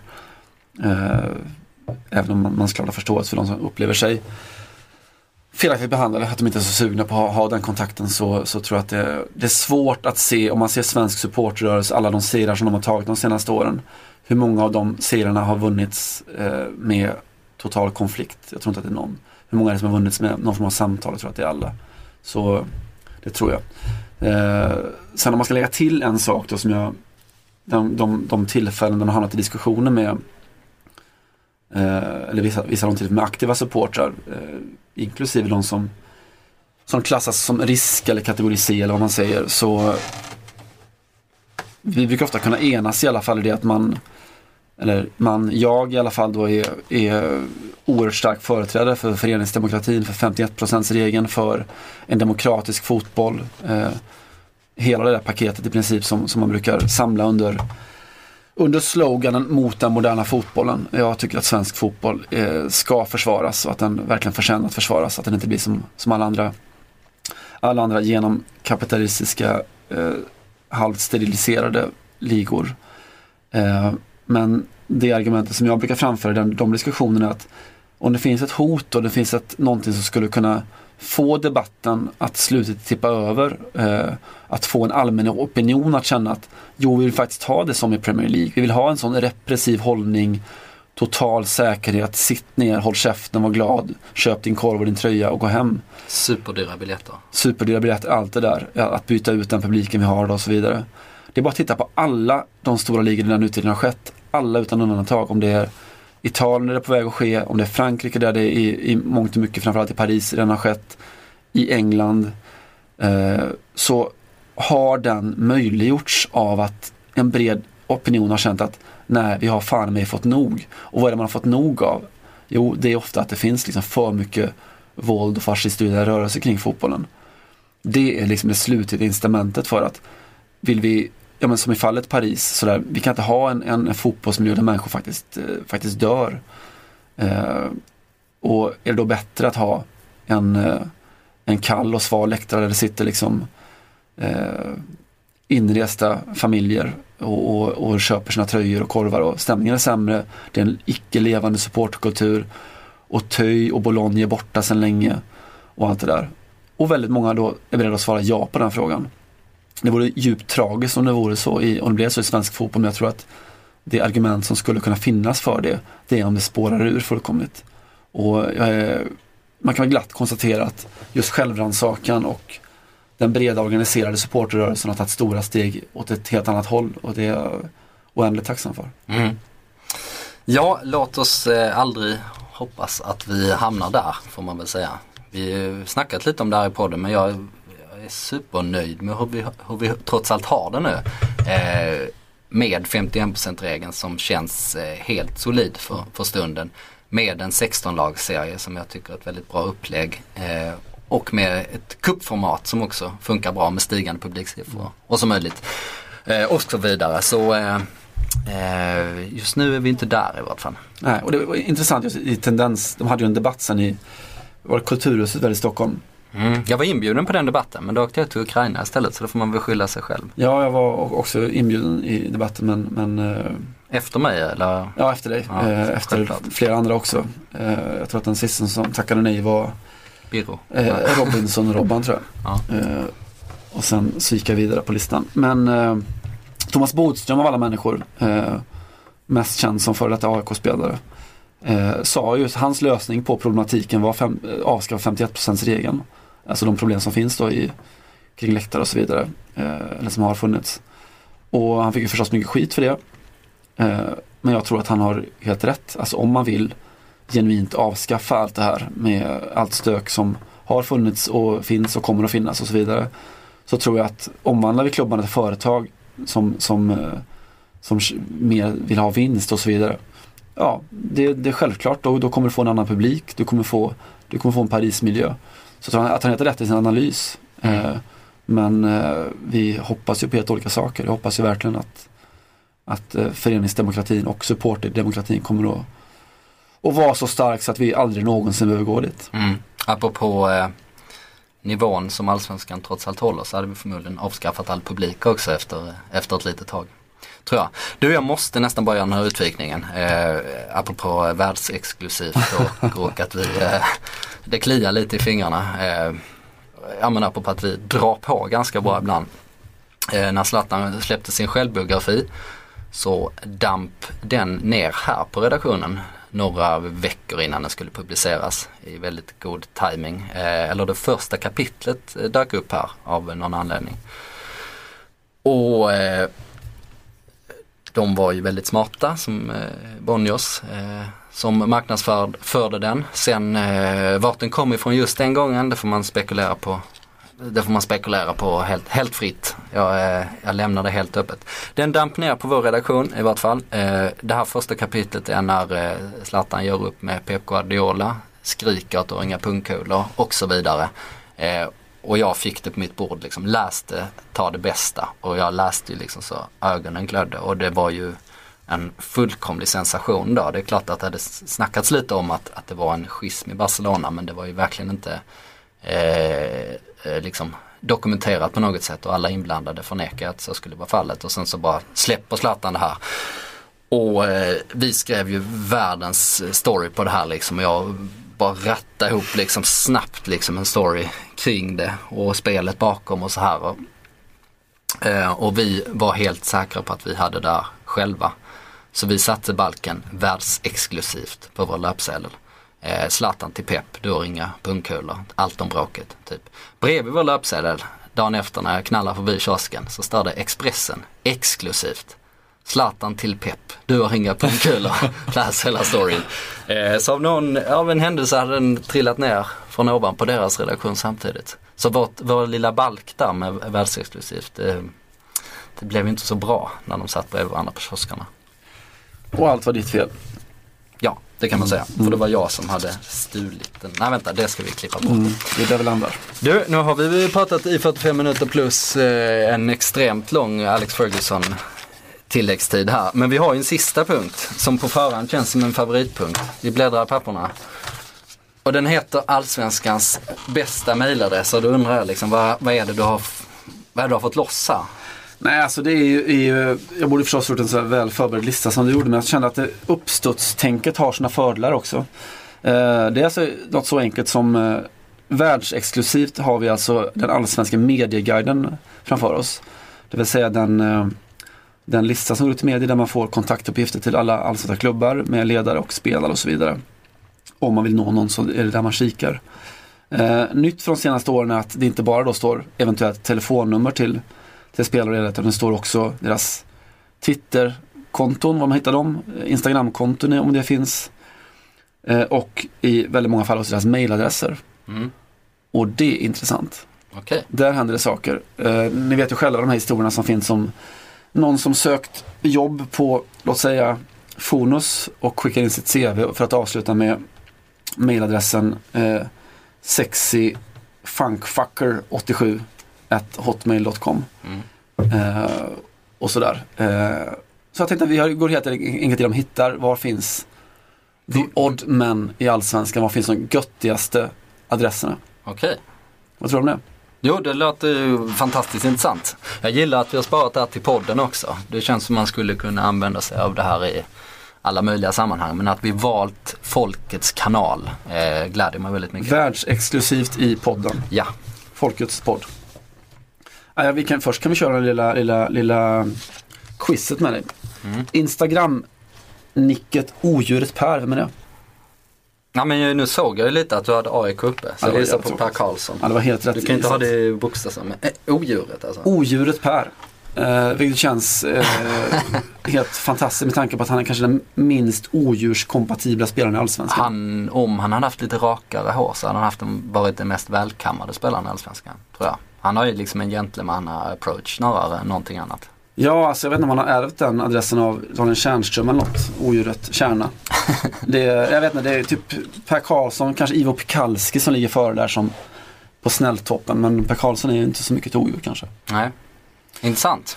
Det var ett Instagramkonto och det är kanske inte så exklusivt för det kan vem som Men vi hitta rekommenderar på alla att nätet. följa odjuret Per. Där Mm. han bara är utklädd till olika odjur i, i samtliga poster. Absolut. Förmodar jag. Absolut. Sen så har vi slutit oss till att, att målvakterna är de eh, i särklass mest lättlästa eh, människorna. Eh, de har de adresser man tycker att de borde ha. Mm. Och här har jag fått en liten eh, sneak peek här. Så, eh, quizet här blir ju lite fusk. Det är två, det är två eh, mailadresser du har testat mig på. Och de, och de gick inte att missa. Nej, du fick gissa på Häckens målvakt först. Ja, men Kristoffer Källqvist. Ja, men krickan83 at gmail.com. Precis så. Sen så gick vi vidare och så sa jag, du vad tror du att Åtvidabergs målvakt har för adress? Ja, där gissade jag fel va? För jag sa fimpen75 at gmail.com. Ja, du sa fimpen76 at gmail.com, Okej. vilket var åt helvete fel eftersom Henrik Fimpen Gustafsson når man på e-mailadressen fimpen76 at hotmail.com. Jag tror att Gmail fanns inte på den gamla goda tiden. Men detta är lite tråkigt. Målvakter ska vara kända för att de ska vara så galna original som går sina egna vägar. Och sen så är det, de kan ju inte ha några andra mailadresser än just de här. Det är lite synd kan jag tycka. Nej, det, känns ju mest, det mest överraskande är väl att, att Fimpen ens har en, hot, en hotmailadress. Ja. Han borde ha sådär boxadresser istället. Stenograf. Eh, I övrigt så vill jag ju lyfta fram då någon rent sympatimässigt Robert Lundström, Giffarnas back. Eh, och om det nu är så att de här spelarna får massa, massa okynnesmail så vill vi om ursäkt för det i förväg såklart. Det var inte vår mening, det var mer en bonus. Eh, Robert Lundström når man på e-posten kubenif understreck 99 at hotmail.com. Ja, den är, den är svår. Svårtydd. Alltså inte så faktiskt. Kuben Han- IF kommer han därifrån. Ja, han är fostrad i Kuben Boys. Eh, Kubiken Boys eh, IF. Uppe i eh, fin gammal Sundsvallsklubb som väl antar jag ligger i trean eller fyran. Trean säkert nu. Och 99 är för att det är ett uh, hockeynummer. Ja, det är säkert något sånt. Han har ju alltid varit väldigt förtjust i Wayne Gretzky som ni vet. Och han ville slå sig in i Timrå när han var yngre. Just det, Kanske. just det. Eh, I övrigt, Häcken är ju en, en, en, guldgruva. Eh. Inte bara talangmässigt utan även vad gäller mailadressmässigt. Eh, jag tycker mycket om Simon Sandberg, deras eh, fine, fine mittbackstalang. Eh, som finns på simmeidol.hotmail.com. Si- Simme Idol. Ja. Mm. Det, alltså det, Att han idoliserar sig själv. ja, det är lite oklart, eller det finns någon sorts Kevin Walker eh, ouppfyllda drömmar där som man inte, inte känner till. Ja. Simme Idol. Mm. Vad tror vi? Jag tror han idoliserar sig själv. Att han är lite så här Take No Heroes eh, generationen som, ja, jag sätter upp mig själv, jag spikar fan mig upp posters på mig själv på pojkrummet. Ja, den analysen gläder mig för det betyder att vi har en trend i, i Allsvenskan. Eh, för två namn räcker för en trend. Vad har Kevin för, eh, Kevin Walker för eh, Ja, något, något ganska enkelt tror jag. Eh, oklart, jag har den inte framför mig men det var någon sån där eh, K. Walker historia. Okej. Inget idol, idoliserande där. Nej. Däremot så HBKs reservmålvakt Malcolm Nilsson. Eh, unge. Eh, deras som de plockat upp. Kanske från någon annan Halmstad från början. Men i alla fall flera år i HBK. Eh, kom upp från juniorlaget. Han gjorde det jättebra. Eh, som finns på nästa steg ut från Simidol. Och han finns på Malcolm Nilsson finns på Malle är bäst. Ja, det är kärnfullt får man säga. Mycket kärnfullt. Lite synd att han, att han liksom inte använder namnet Malcolm som ändå, Mm. jag vet inte, det finns det någonting där. Han kunde faktiskt, ha- han, han spelade nummer 30, kunde haft Malcolm trippel X. Kunde haft. Ja. Känn på den. Eh, jag tycker också Snyggt. om eh, den ungdomliga Jesper Florén, Gävlebacken. Som har jeppeajax.hotmail.com. Okej.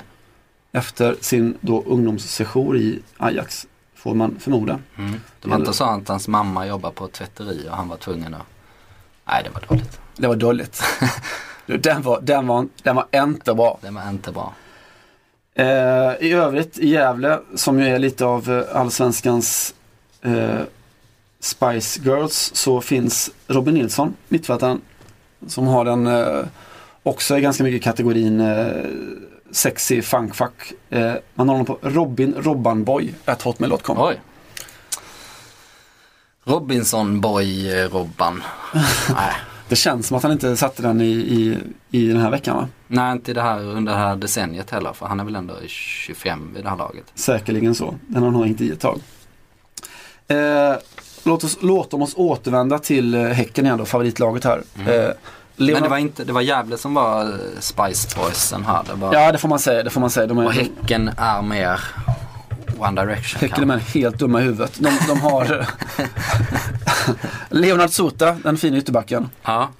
Eh, fostrad i Frölunda, spelar i Häcken. Han har hotmailadressen Nej men Blåvit. Eh, leoguys at hotmail.com. eh, måste uppskattas. mm, särskilt när man skickar ut den i medieguiden också. Ja, mycket fint. Ja. Eh, och sen den allra sista vill man ju spara till eh, eh, bruket. Mm. Åtvidabergs FF. Som är allsvenskans e-mailsammanhang. Eh, ja, vad kan de vara? Eh, Allsvenskans bruket. Med tanke på att Fimpen hade Fimpen 76. Fast du kanske hittat något annat här. Ja, alltså det är mer, mer gåtfulla. Det gåtfulla folket i den här, den här bemärkelsen. Pontus Nordenberg, Mm. En doldis får man väl säga. en dålig får man säga, hade det lite jobbigt här uppe på Tele2 Arena allra senast. Eh, men den här kräver sin analys. Pontus Nordenberg hittar man på splover.hotmail.com SP Lover i ett ord. splover i ett ord. Så det skulle kunna vara Splover också. Det skulle kunna vara splubber. Ja. Eh, det skulle kunna vara sportlover. Splover, jag googlar det här. Splover. Det skulle kunna vara att han har en, en, eh, en partner som heter Stina Persson eller något. Mm. Sportbladet. Sportbladet SP Lover. Ja. Eh, det är mycket gåtfullt alltihopa. Mm. Det känns som att man vill nästan kontakta Pontus Nordenberg och fråga vem SP. Faktiskt, jag hittade inget här heller när jag googlade Splover. Jag kom till Splover Photography, en Facebook-sida från Indien. Ja, vad, vad finns det för bilder? Eh, four people talking about this, står det. Ja, Ja, det är lite, lite skate här. Det är en kille med, med eh, kepsen bak och fram. ja men då är vi där. Han, Pontus Nordenberg är alltså en, eh, en aficionado för oortodox kepsmode och för indisk skateboard helt enkelt. Ja, och han idoliserar inte sig själv utan en indisk underground-fotograf. Ja, Helt enkelt. med all jävla rätt. Ja. Splurr. Um, ska vi se här. Vad har... Ska vi titta vad vi har. Vad har kingen i Halmstad? King och Guyan. Han har ju King, Nej, han, Kingo. har, han har för bra namn här bara. Han har eh, King och 14 at yahoo.com. Ja, det var inte så kul kanske. nu har jag hittat en bra bara för det. Ab- Halmstad här. Per Parim Bekai.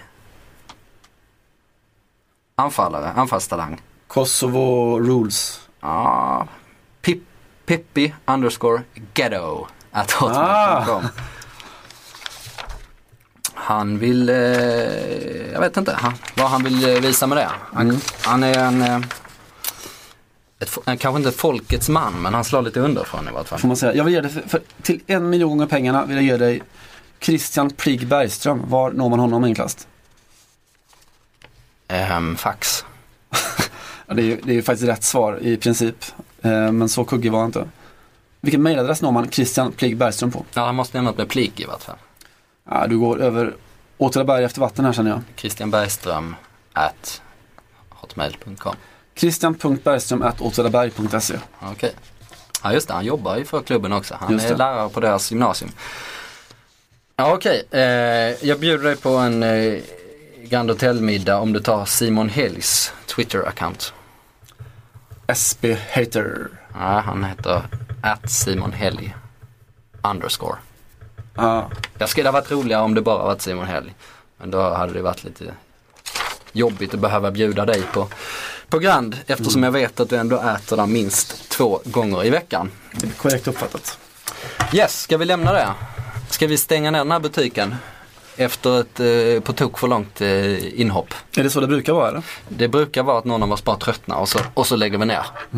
Men eh, tack så mycket Simon för att du var med oss den här eh, veckan i Folkets podd. Eh, vi återkommer, vi får se om Robert Laud som ryktas ha åkt till Rom med sin mamma eh, någon gång kommer tillbaks.